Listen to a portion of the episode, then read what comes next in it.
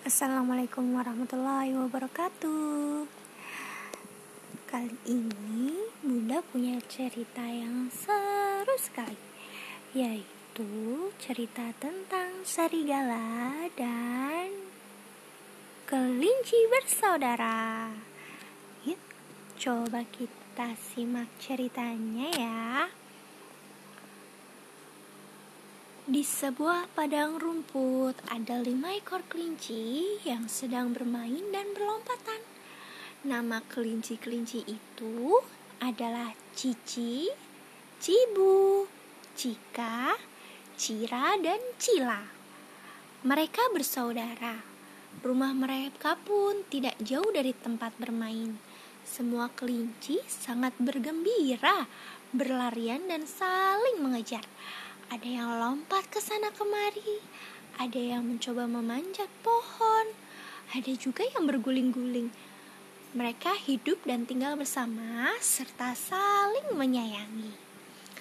Tanpa mereka sadari, tidak jauh dari padang rumput di pinggir hutan ada seekor serigala yang sedang mengamati.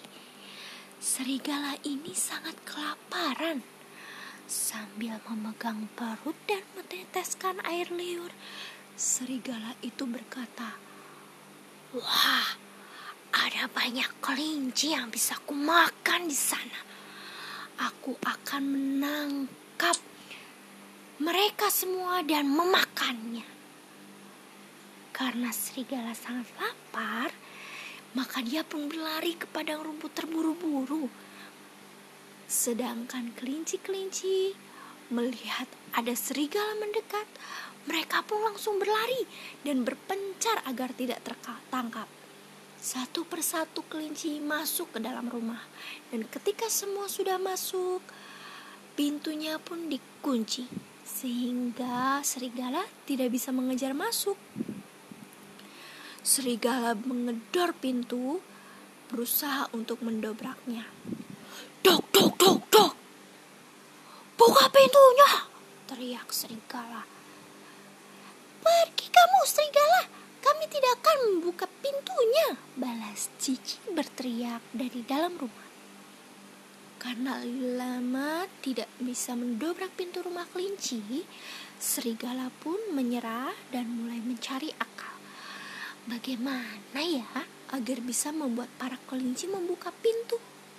Serigala mencoba untuk mengetuk pintu dengan pelan dan sopan. Dia pun berlatih mengubah suaranya menjadi lebih pelan agar kelinci mengira yang mengetuk adalah hewan lain. Tok tok tok. Permisi, ujar serigala berpura-pura dan membuat suaranya lebih manis. Siapa di luar? Tanya para kelinci dari dalam. Bisa buka pintunya? Tanya serigala dengan halus. Apa masih ada serigala di luar? Tanya Cibu.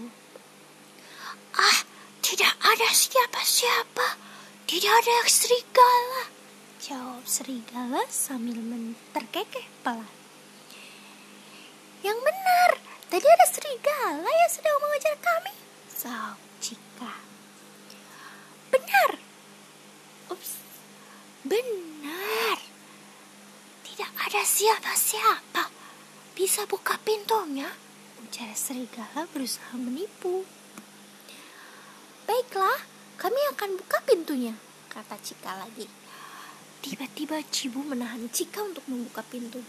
Tunggu dulu, Jangan percaya yang di luar. Kita tidak tahu siapa dia. Lebih baik kita periksa dulu dari bawah pintu, ujar Cini.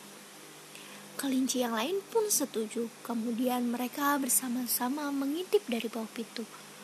Mereka melihat kaki serigala yang berbulu dan memiliki kuku panjang yang tajam. Semua kelinci pun terhenyak. Kamu bohong, kamu adalah serigala, teriak Cila. Serigala pun kaget mendengarnya. Kemudian dia tidak patah semangat dan berkata, Tidak ada serigala, hanya ada aku. Tapi kakimu adalah kaki serigala, kata Cira. Cepat pergi, sahut Cici. Karena gagal, serigala pun menjauh dari rumah kelinci.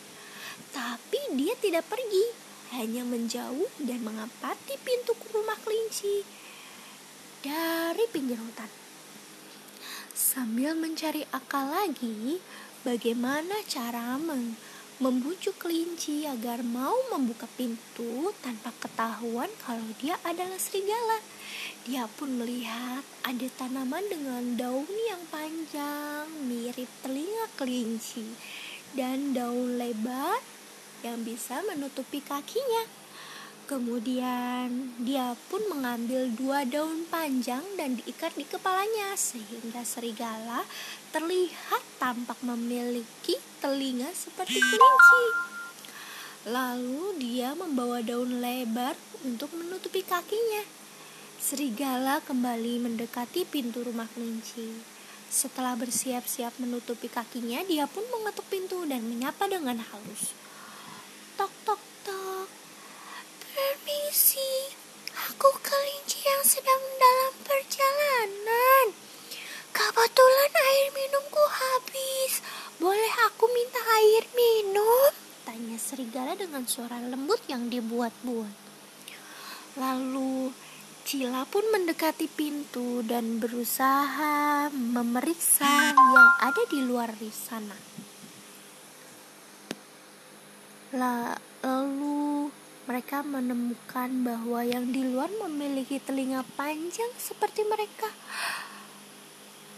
Cibu pun men mengatakan pada yang lain, "Benar, yang ada di luar adalah kelinci. Kasihan dia dalam perjalanan dan kehabisan air minum. Ayo kita bukakan pintunya." Shh, kita cek dulu di bawah pintu. Kita lihat kakinya. Apakah benar itu kelinci? Kata Cila. Kemudian mereka pun mengintip dari bawah pintu. Sayangnya, ternyata yang ada di bawah pintu ada kaki tapi tertutup oleh daun. Dan mereka tidak bisa melihat di balik daun itu apakah kaki serigala atau bukan. Lalu setelah itu berbekal kepercayaan bahwa hewan yang di depan memiliki telinga panjang seperti mereka, mereka pun percaya kalau yang di luar adalah kelinci. Jadi, mereka pun membukakan pintu. Tapi ketika pintu itu terbuka, mereka kaget sekali karena ternyata yang ada di depan mereka adalah serigala. Lalu serigala itu dengan buas menerkam dan menerjang masuk ke, ke dalam rumah. Satu satu satu persatu kelinci pun berusaha berlarian dan bersembunyi agar tidak tertangkap. Tapi sayangnya empat dari kelinci telah tertangkap dan dimakan bulat-bulat oleh serigala. Hmm. Akhirnya kelinci, kelinci itu telah aku dapatkan dan bisa aku makan. Sekarang perutku sangat kenyang.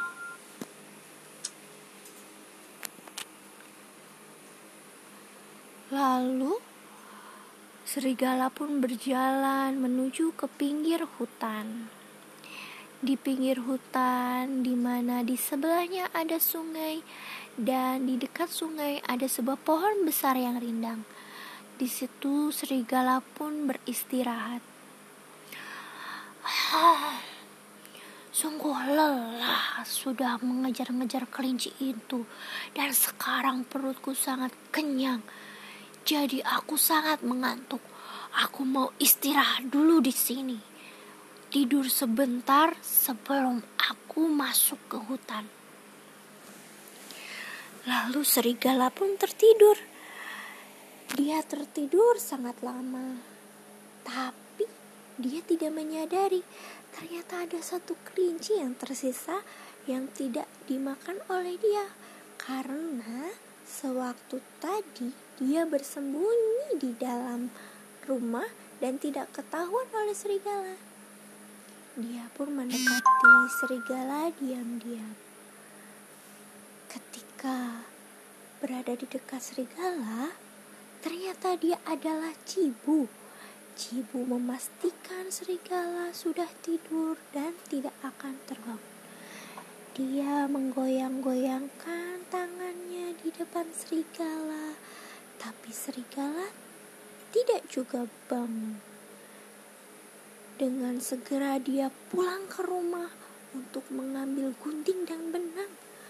Untuk apa ya Cibu mengambil gunting dan benang? Lalu dia kembali ke tempat serigala sedang tertidur.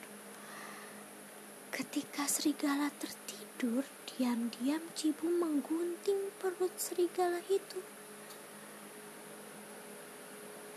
Dan perut serigala itu terus bergerak-gerak. Jangan-jangan saudara-saudaraku memang masih hidup di dalam perut serigala. Aku akan mencoba mengeluarkannya. Dan Cibu pun lanjut menggunting perut serigala. Dan benar saja, Saudara-saudara kelincinya masih hidup di dalam perut. Mereka satu, satu persatu keluar dari dalam perut. Setelah itu, mereka semua pun senang karena masih bisa berkumpul lagi. Tapi mereka tidak terlena. Cibu pun mengingatkan, masih ada serigala yang tertidur kita harus membuat serigala kapok dan tidak memangsa hewan lain lagi. Bagaimana kalau kita masukkan batu ke dalam perut serigala? Lalu semua saudara kelinci pun mencari batu besar dan mengumpulkannya di dekat serigala. Terkumpul empat batu besar dan mereka segera memasukkan ke perut serigala. Setelah selesai, Cibu pun menjahit perut serigala agar batu-batu tadi tidak jatuh. Kemudian, kelinci bersaudara pun segera pergi dari dekat serigala. Mereka segera pulang ke dalam rumah. Tapi setelah lama tertidur, serigala ternyata terbangun. Dia pun merasa badannya sangat berat. Aduh, kenapa perutku sepertinya berat sekali ya dan merasa penuh. Apa karena tadi aku makan banyak kelinci? Lalu dia pun merasa haus dia berjalan menuju ke tepi sungai, tapi perutnya terasa sangat berat sehingga dia kesulitan berjalan. Kenapa benar-benar berat ya? Seperti membawa batu dalam perutku, kata serigala. Dan dia pun ke tepi sungai untuk minum air sungai. Tapi sayangnya, karena dalam perutnya terisi batu, dia pun tidak bisa menyeimbangkan diri dan terjatuh ke sungai. Dia tercebur dan tidak bisa menyelamatkan diri. Akhirnya serigala itu pun tenggelam. Dan kelinci bersaudara pun bisa selamat dari serigala. Yeay, sekian ceritanya. Halo, Assalamualaikum warahmatullahi wabarakatuh Kali ini Bunda sepertinya mau read aloud dulu. Dari buku karya Adi Yulia yang berjudul Aku Mau Memaafkan. Cerita ini seri dari sahabat si Koksi Kita simak yuk ceritanya. Suatu hari Lulu hinggap di kembang sepatu. Ia menghisap sari bunga untuk menghilangkan dahaganya. Lulu ini seekor kupu-kupu yang cantik sekali. Ia baru saja dari perjalanan jauh untuk menghindari Koksi, Cici, dan Ura. Aku tidak mau bertemu Ura lagi, kata Lulu. Lalu ada yang menyapa Lulu. Hai Lulu, jauh sekali kamu terbang sampai ke sini. Suara seekor belalang membuat Lulu terkejut. Siapa kamu? Tanya Lulu. Aku Ella, si belalang. Aku mengenalmu saat kamu masih seekor ulat, kata Ella. Maaf, aku tidak ingat, kata Lolo. Jangan-jangan kamu lupa kalau dulu kamu ini seekor ulat. Baiklah, aku akan bercerita kepadamu, kata Ella sambil berjalan mendekati Lulu. Kita ini teman yang baik, bahkan waktu kita masih dalam bentuk telur. Ibumu dan ibuku sama-sama bertelur waktu itu. Ella mulai bercerita. Telur itu menetas. Kamu berubah jadi ulat dan aku menjadi nimfa. Begitu kata Ella. Kamu begitu rakus saat menjadi ulat. Kamu makan begitu banyak daun. Ella masih melanjutkan ceritanya. Waktu aku berubah menjadi belalang dewasa dan kamu masih menjadi ulat. Kita masa makan bersama-sama. Kita sama-sama rakus, makan begitu banyak daun dan merusak tanaman, kata Ella tertawa. Tiba saatnya kamu menjadi kepompong. Kamu tidur lama sekali, membiarkanku makan daun sendirian. Ella terus bercerita. Suatu pagi, kepompong itu terbuka dengan tiba-tiba. Aku melihatmu keluar dari dalamnya dengan susah payah. Kamu sudah berubah menjadi kupu-kupu dengan sayap yang cantik. Kamu juga tidak rakus dan makan daun, tapi makan sari bunga atau sari buah. Ella masih melanjutkan ceritanya. Hah? Benarkah aku dulu seekor ulat yang rakus? Lulu seakan tidak percaya dengan semua cerita Ella. Iya, tetapi itu dulu. Siapa saja dapat melakukan kesalahan. Lihatlah kini, kamu telah berubah menjadi kupu-kupu yang baik hati dan cantik sekali. Apakah tanaman yang rusak mau memaafkan aku? Tanya Lulu sedih. Tentu Tentu saja, kamu sudah membantu untuk menyebarkan serbuk bunga, sehingga bunga dapat berkembang menjadi buah. Itu sangat bermanfaat, Lulu, kata Ella. Ella, terima kasih banyak. Tapi aku harus pergi sekarang. Lulu pun mengepakkan sayapnya. Hei, mau ke mana? Kita baru saja bertemu, kata Ella. Aku harus bertemu burung murai batu. Sampai ketemu lagi Ella, seru Lulu. Lulu pun terbang secepat ia mampu untuk menuju ke sarang Ura, si burung murai. Tanaman yang kurusak saja mau memaafkan aku. Kenapa tadi aku begitu sombong tidak mau memaafkan Ura? Ujar Lulu. Ura tidak percaya Lulu datang ke sarangnya. Lulu, panggil Ura. Aku memaafkanmu, Ura. Aku juga minta maaf atas kesombonganku, kata Lulu. Senyum Ura pun mengembang. Jadi, kita dapat berteman? Tentu saja, seru Lulu sembari mengepakkan sayapnya. Tanda iu, ia begitu bahagia. Begitulah ceritanya. Masih ada series yang lain ya. Ditunggu. Oke, untuk cerita kali ini sampai di sini dulu. Sampai ketemu di cerita selanjutnya. Wassalamualaikum warahmatullahi wabarakatuh. Assalamualaikum warahmatullahi wabarakatuh. Kali ini kita mau bercerita mengadopsi dari buku karya Ade Yulia yang berjudul Aku Mau Mendengarkan. Yuk kita simak jadi ceritanya Cici adalah seekor kelinci yang sangat baik hati. Dia juga sangat sayang kepada keluarga. termasuk kepada kelima adik-adiknya. Suatu hari, adik-adiknya pun mengajak Cici untuk berjalan-jalan ke dalam hutan. Lalu Cici pun berpesan, boleh, tapi tidak boleh pergi ke pinggir sungai ya, karena licin. Semalam habis turun hujan, pesan Cici.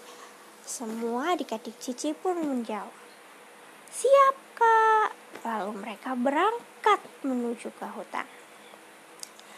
Ketika di dalam hutan, adik-adik Cici sangat bersemangat. Dan yang paling bersemangat adalah Cibu. Dia sangat penasaran dengan semua hal.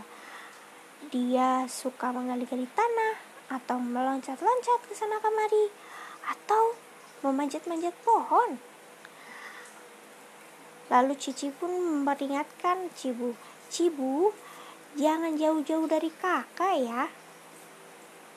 Cibu pun menjawab dengan acuh, iya kak. Lalu ketika Cibu sibuk dan penasaran akan sesuatu, dia pun terpisah dari rombongan dan dia berjalan ke arah yang salah. Sayup-sayup, dia mendengar suara gemericik air.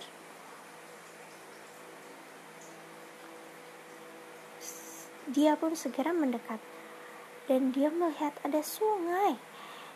Wah, ada sungai. Aku mau lihat ah. Dia pun berjalan menuju ke sungai.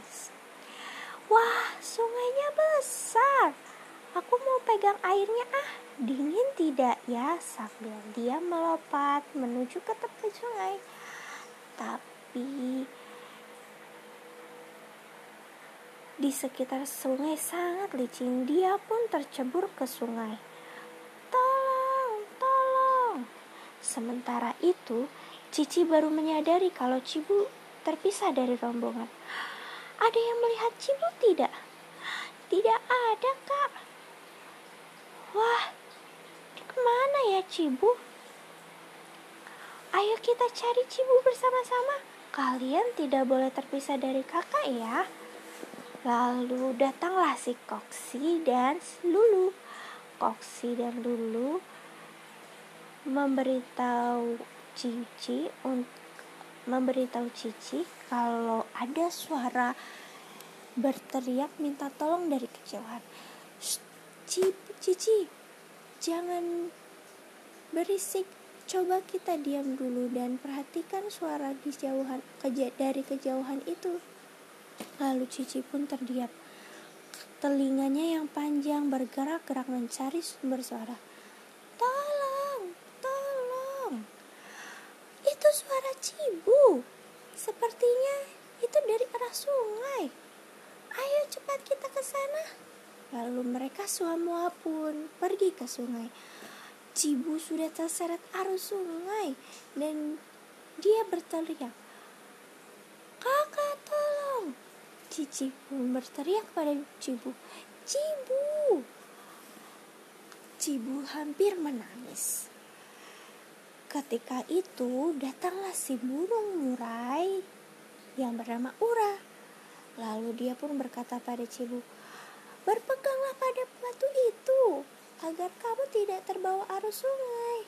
Lalu Cici berteriak kepada Cibu, Cibu dengarkan kata Ura, dia teman teman kakak. Cibu pun langsung mendekat ke batu terdekat.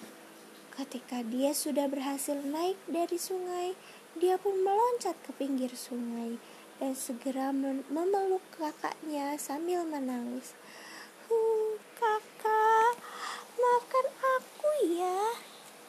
Iya, Cibu. Lain kali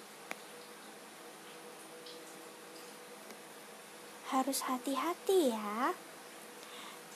Cibu pun bilang, Maafkan aku ya kak, aku janji mulai sekarang mau mendengarkan orang lain, kata Cibu. Iya, kita diberikan anugerah telinga yang peka. Gunakan untuk mendengarkan sesuatu yang baik ya. Cibu pun mengangguk-angguk. Lalu semuanya pun bergembira karena Cibu sudah selamat. Yeay. Sekian ceritanya. Terima kasih. Wassalamualaikum warahmatullahi wabarakatuh. Assalamualaikum. Assalamualaikum. Kali ini kakak request mau dongeng yang mana kak? Yang ini, Hmm, yang ini aja ya. yang ini, Ini apa? ini sama kelincinya. Ayo yang pakai ini aja. Aku baca yang itu aja, oke. Baru yang ini. Mata sabunnya. Sini, dede sini dong. Mata Ya. sabunnya. Eh sesuai request dari kakak, ini kita mau mengulang baca nyaring atau read aloud untuk buku yang judulnya Aku Mau Mendengarkan karya Ade Yulia. Ya. Nah, Cici selalu ramah dan mudah berteman dengan siapa saja. Ia juga sayang keluarga, termasuk adik-adiknya. Pagi itu, adik-adik Cici meminta jalan-jalan. Kakak, ayo kita jalan-jalan, pinta adiknya. Wah, boleh. Ikuti kakak ya, kata Cici. Cici berpesan, tapi jangan pergi ke pinggir sungai ya. Licin, karena semalam hujan. Siap, Kak, kata adik-adiknya. Kelima adik Cici begitu semangat mengikuti langkah kakaknya. Bun, Mana saya? kenapa ini lari, Bun? Mana yang lari? Ini. Itu lagi lihat-lihat ke sekitarnya. Lanjut. Salah satunya bernama Cibu. Dia yang paling bersemangat dan penuh rasa ingin tahu. Bunda Cib- ini cibunya. Iya. Bukan anaknya semua. Oke. Lanjut. Cibu melompat ke sana kemari. Sesekali ia berhenti dan mengamati dedaunan. Kadangkala Iya, kadangkala ia memanjat ranting pohon atau menggali tanah. Cibu, tetap dekat kakak ya. Jangan sampai Bunda, ketinggalan, kata Cici. Dia makan ini, Makan apa tuh? makan pohon. Oke. Nah, lanjut. Cibu tidak mendengarkan pesan kakaknya. Ia pun terpisah dari rombongan. Kini telinga panjangnya mendengar suara air mengalir. Wah, sepertinya dekat dengan sungai. Aku mau lihat sungai ah. Dingin apa enggak? Ding, Belum. dingin apa atau panas? Ah, Wah, sungainya besar. Aku mau pegang airnya. Dingin tidak ya? Dingin panas enggak? Kata Cibu sambil melompat semakin mendekati sungai. Lalu, Cici baru sadar jika Cibu tidak ada di dalam rombongan. Ini cibu sama Itu Cici. Anak. Ini cici sama apa? Adik-adiknya lagi cari Cibu. Ini kan cibu. Cibunya kan tadi di sungai. Ini yang cibu sama anak. Oh gitu, oke. Dilanjut ceritanya. Iya. Cici baru sadar jika Cibu tidak ada dalam rombongan.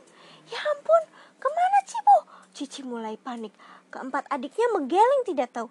Ayo kita cari, kalian tetap bersama kakak ya. Saat Ini Cici... cicinya marah sama kubuminya marah. Oh, enggak. Ini Cici dibantuin sama teman-temannya. Saat Cici kebingungan mencari adiknya, datanglah Koksi dan Lulu. Cici, tenanglah. Sepertinya ada yang berteriak, kata Koksi. Cici diam. Telinganya bergerak-gerak. Tolong! Teriak. Cici mendengar suara dari kejauhan. Itu suara Cibu, suaranya dari arah sungai. Ayo kita ke sana, ujar Cici. Dari sini. Iya. Kenapa dia cari mulu? Hmm, Dia ketemu. iya. Wah, Cibu terseret arus sungai. Ia begitu panik karena tidak bisa berenang. Cibu, teriak Cici. Kakak, tolong. Cibu hampir menangis. Tiba-tiba datanglah Ura. Ia melesat terbang ke atas sungai. Pegang batu besar di sana, Cibu, kata Ura.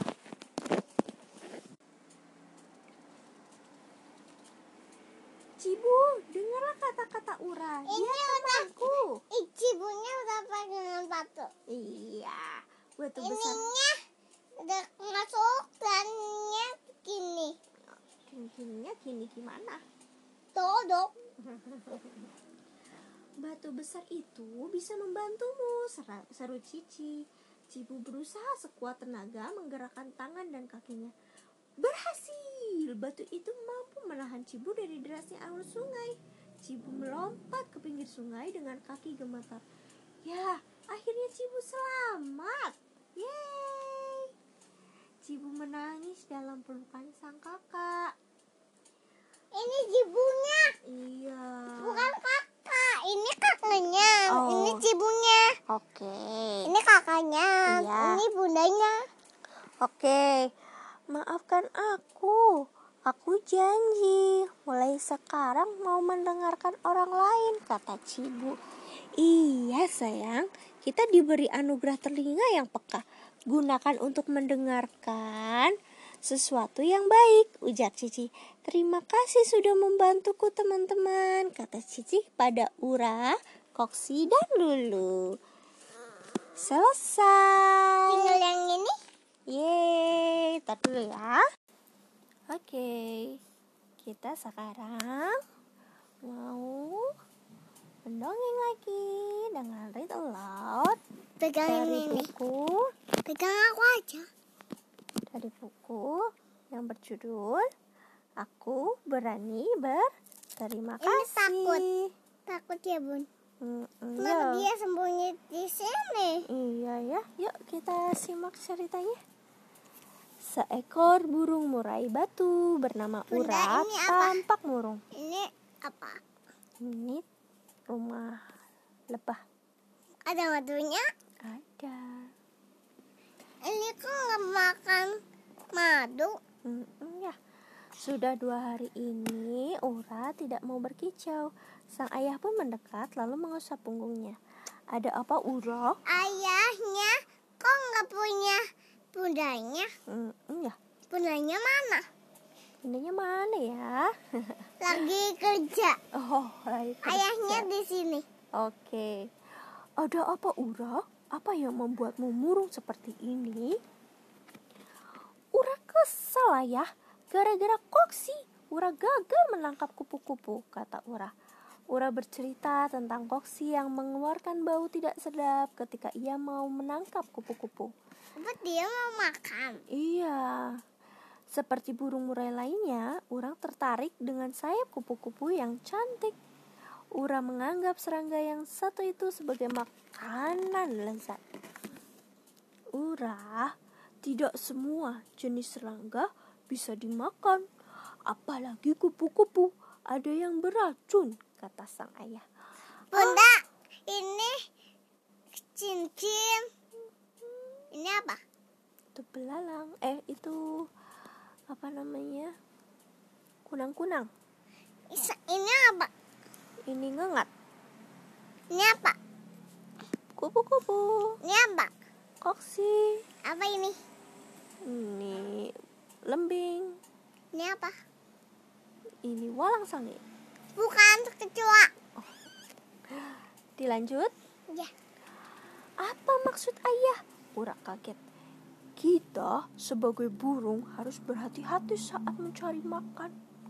Ada beberapa jenis serangga yang harus dihindari. Contohnya kunang-kunang. ngengat, walang sangit, lembing, kupu-kupu, dan kumbang koksi. Jelas ayah Masa Ura. dimakan? Iya ya. Ini apa? Ura tersentak Bunda, bunda. Iya. Ini apa? Rumah laba-laba. Lap laba-labanya mana? Mana ya? Nah, lanjut ya. Jadi, kamu harus berterima kasih kepada Koksi. Baunya telah menyelamatkan hidupmu. Lanjut ayah Ura. Ura terdiam. Ia memilih terbang pergi entah ke mana. Waktu terbang, seekor burung murai warna balak apa? sabang ber- ya, bunda ini warna apa? hitam. Yang ini. Yang ini warna apa? Ada warna birunya ya? Iya, kok galak warna birunya. Hmm. Ya lanjut ya. Ini yang sayap warna hitam, ini juga warna hitam. Oke. Lanjut. Iya. Waktu terbang, seekor burung murai balak sabang bernama Rio Bunda. memanggil Ura. Hantunya gimana? Enggak ada hantu. Hai Ura, ayo kita mencari makan bersama-sama, ajak Rio. Apakah kamu pernah makan ngengat atau kupu-kupu? Aku penasaran, seperti apa ya rasanya? Lanjut Rio. Kok Hmm, galak sih? Hmm. Kok galak? Yang warna biru, iya ya. yang hitam baik. Mm-mm. Ini Hmm. tajam kakinya sama ini tajam semuanya. Oke. Hmm, aku tidak tahu kata Ura lirih. Ura, lihat ada walang sangit. Tidak ada kupu-kupu walang sangit pun jadi. Bunda, Ayo kita santap, seru Rio. Rio Bunda ada kecoa. Iya. Rio Kecoanya melesa. kamu, kecoanya ngapain? Ah, bisa didengerin dulu nggak? Rio melesat menuju walang sangit yang berada di atas tanaman padi. Ura tiba-tiba teringat dengan cerita ayahnya. Rio, jangan makan walang sangit, berbahaya, teriak Ura. Terlambat sudah. Yang ini boleh ya? Yang ini. Mm-mm. Masa kecoa doang? Iya, lanjut. Ya. Terlambat sudah. Paruh Rio sudah menangkap si walang sangit. Berhenti Rio, muntahkan, teriak Ura lagi. Rio kaget dengan teriakan Ura. Dia membuka paruhnya. Walang sangit melompat dan meninggalkan bau tidak sedap. Ih, rasanya tidak enak dan cairan apa ini? Tidak lama Rio kehilangan suaranya. Ura bersedih. Cairan Ini walang kok kedinginan? bukan kedinginan, lagi sedih. Sedih kedingin nih ya.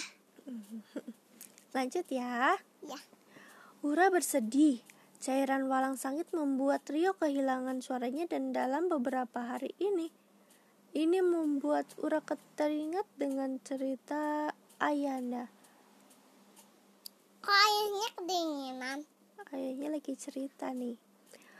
Kata ayah, tidak semua serangga Ini bisa dimakan.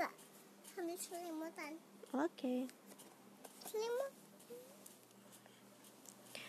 Apa jadinya kalau dulu aku makan kupu-kupu itu? Ucap Ura.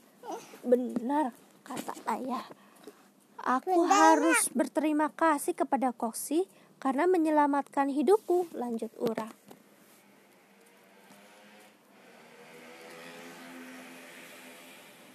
Dan datang. Kedatangan Ura membuat Koksi, Lulu, dan Cici terkejut. Jangan takut. Namaku Ura. Aku datang bukan untuk menyerang. Aku ke sini untuk minta maaf dan berterima kasih, kata Ura.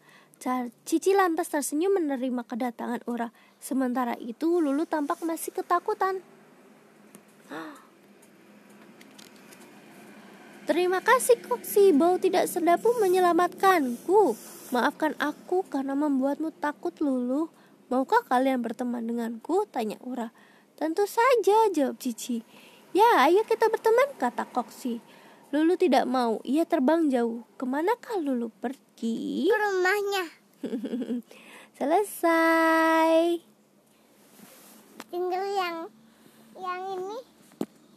Oke.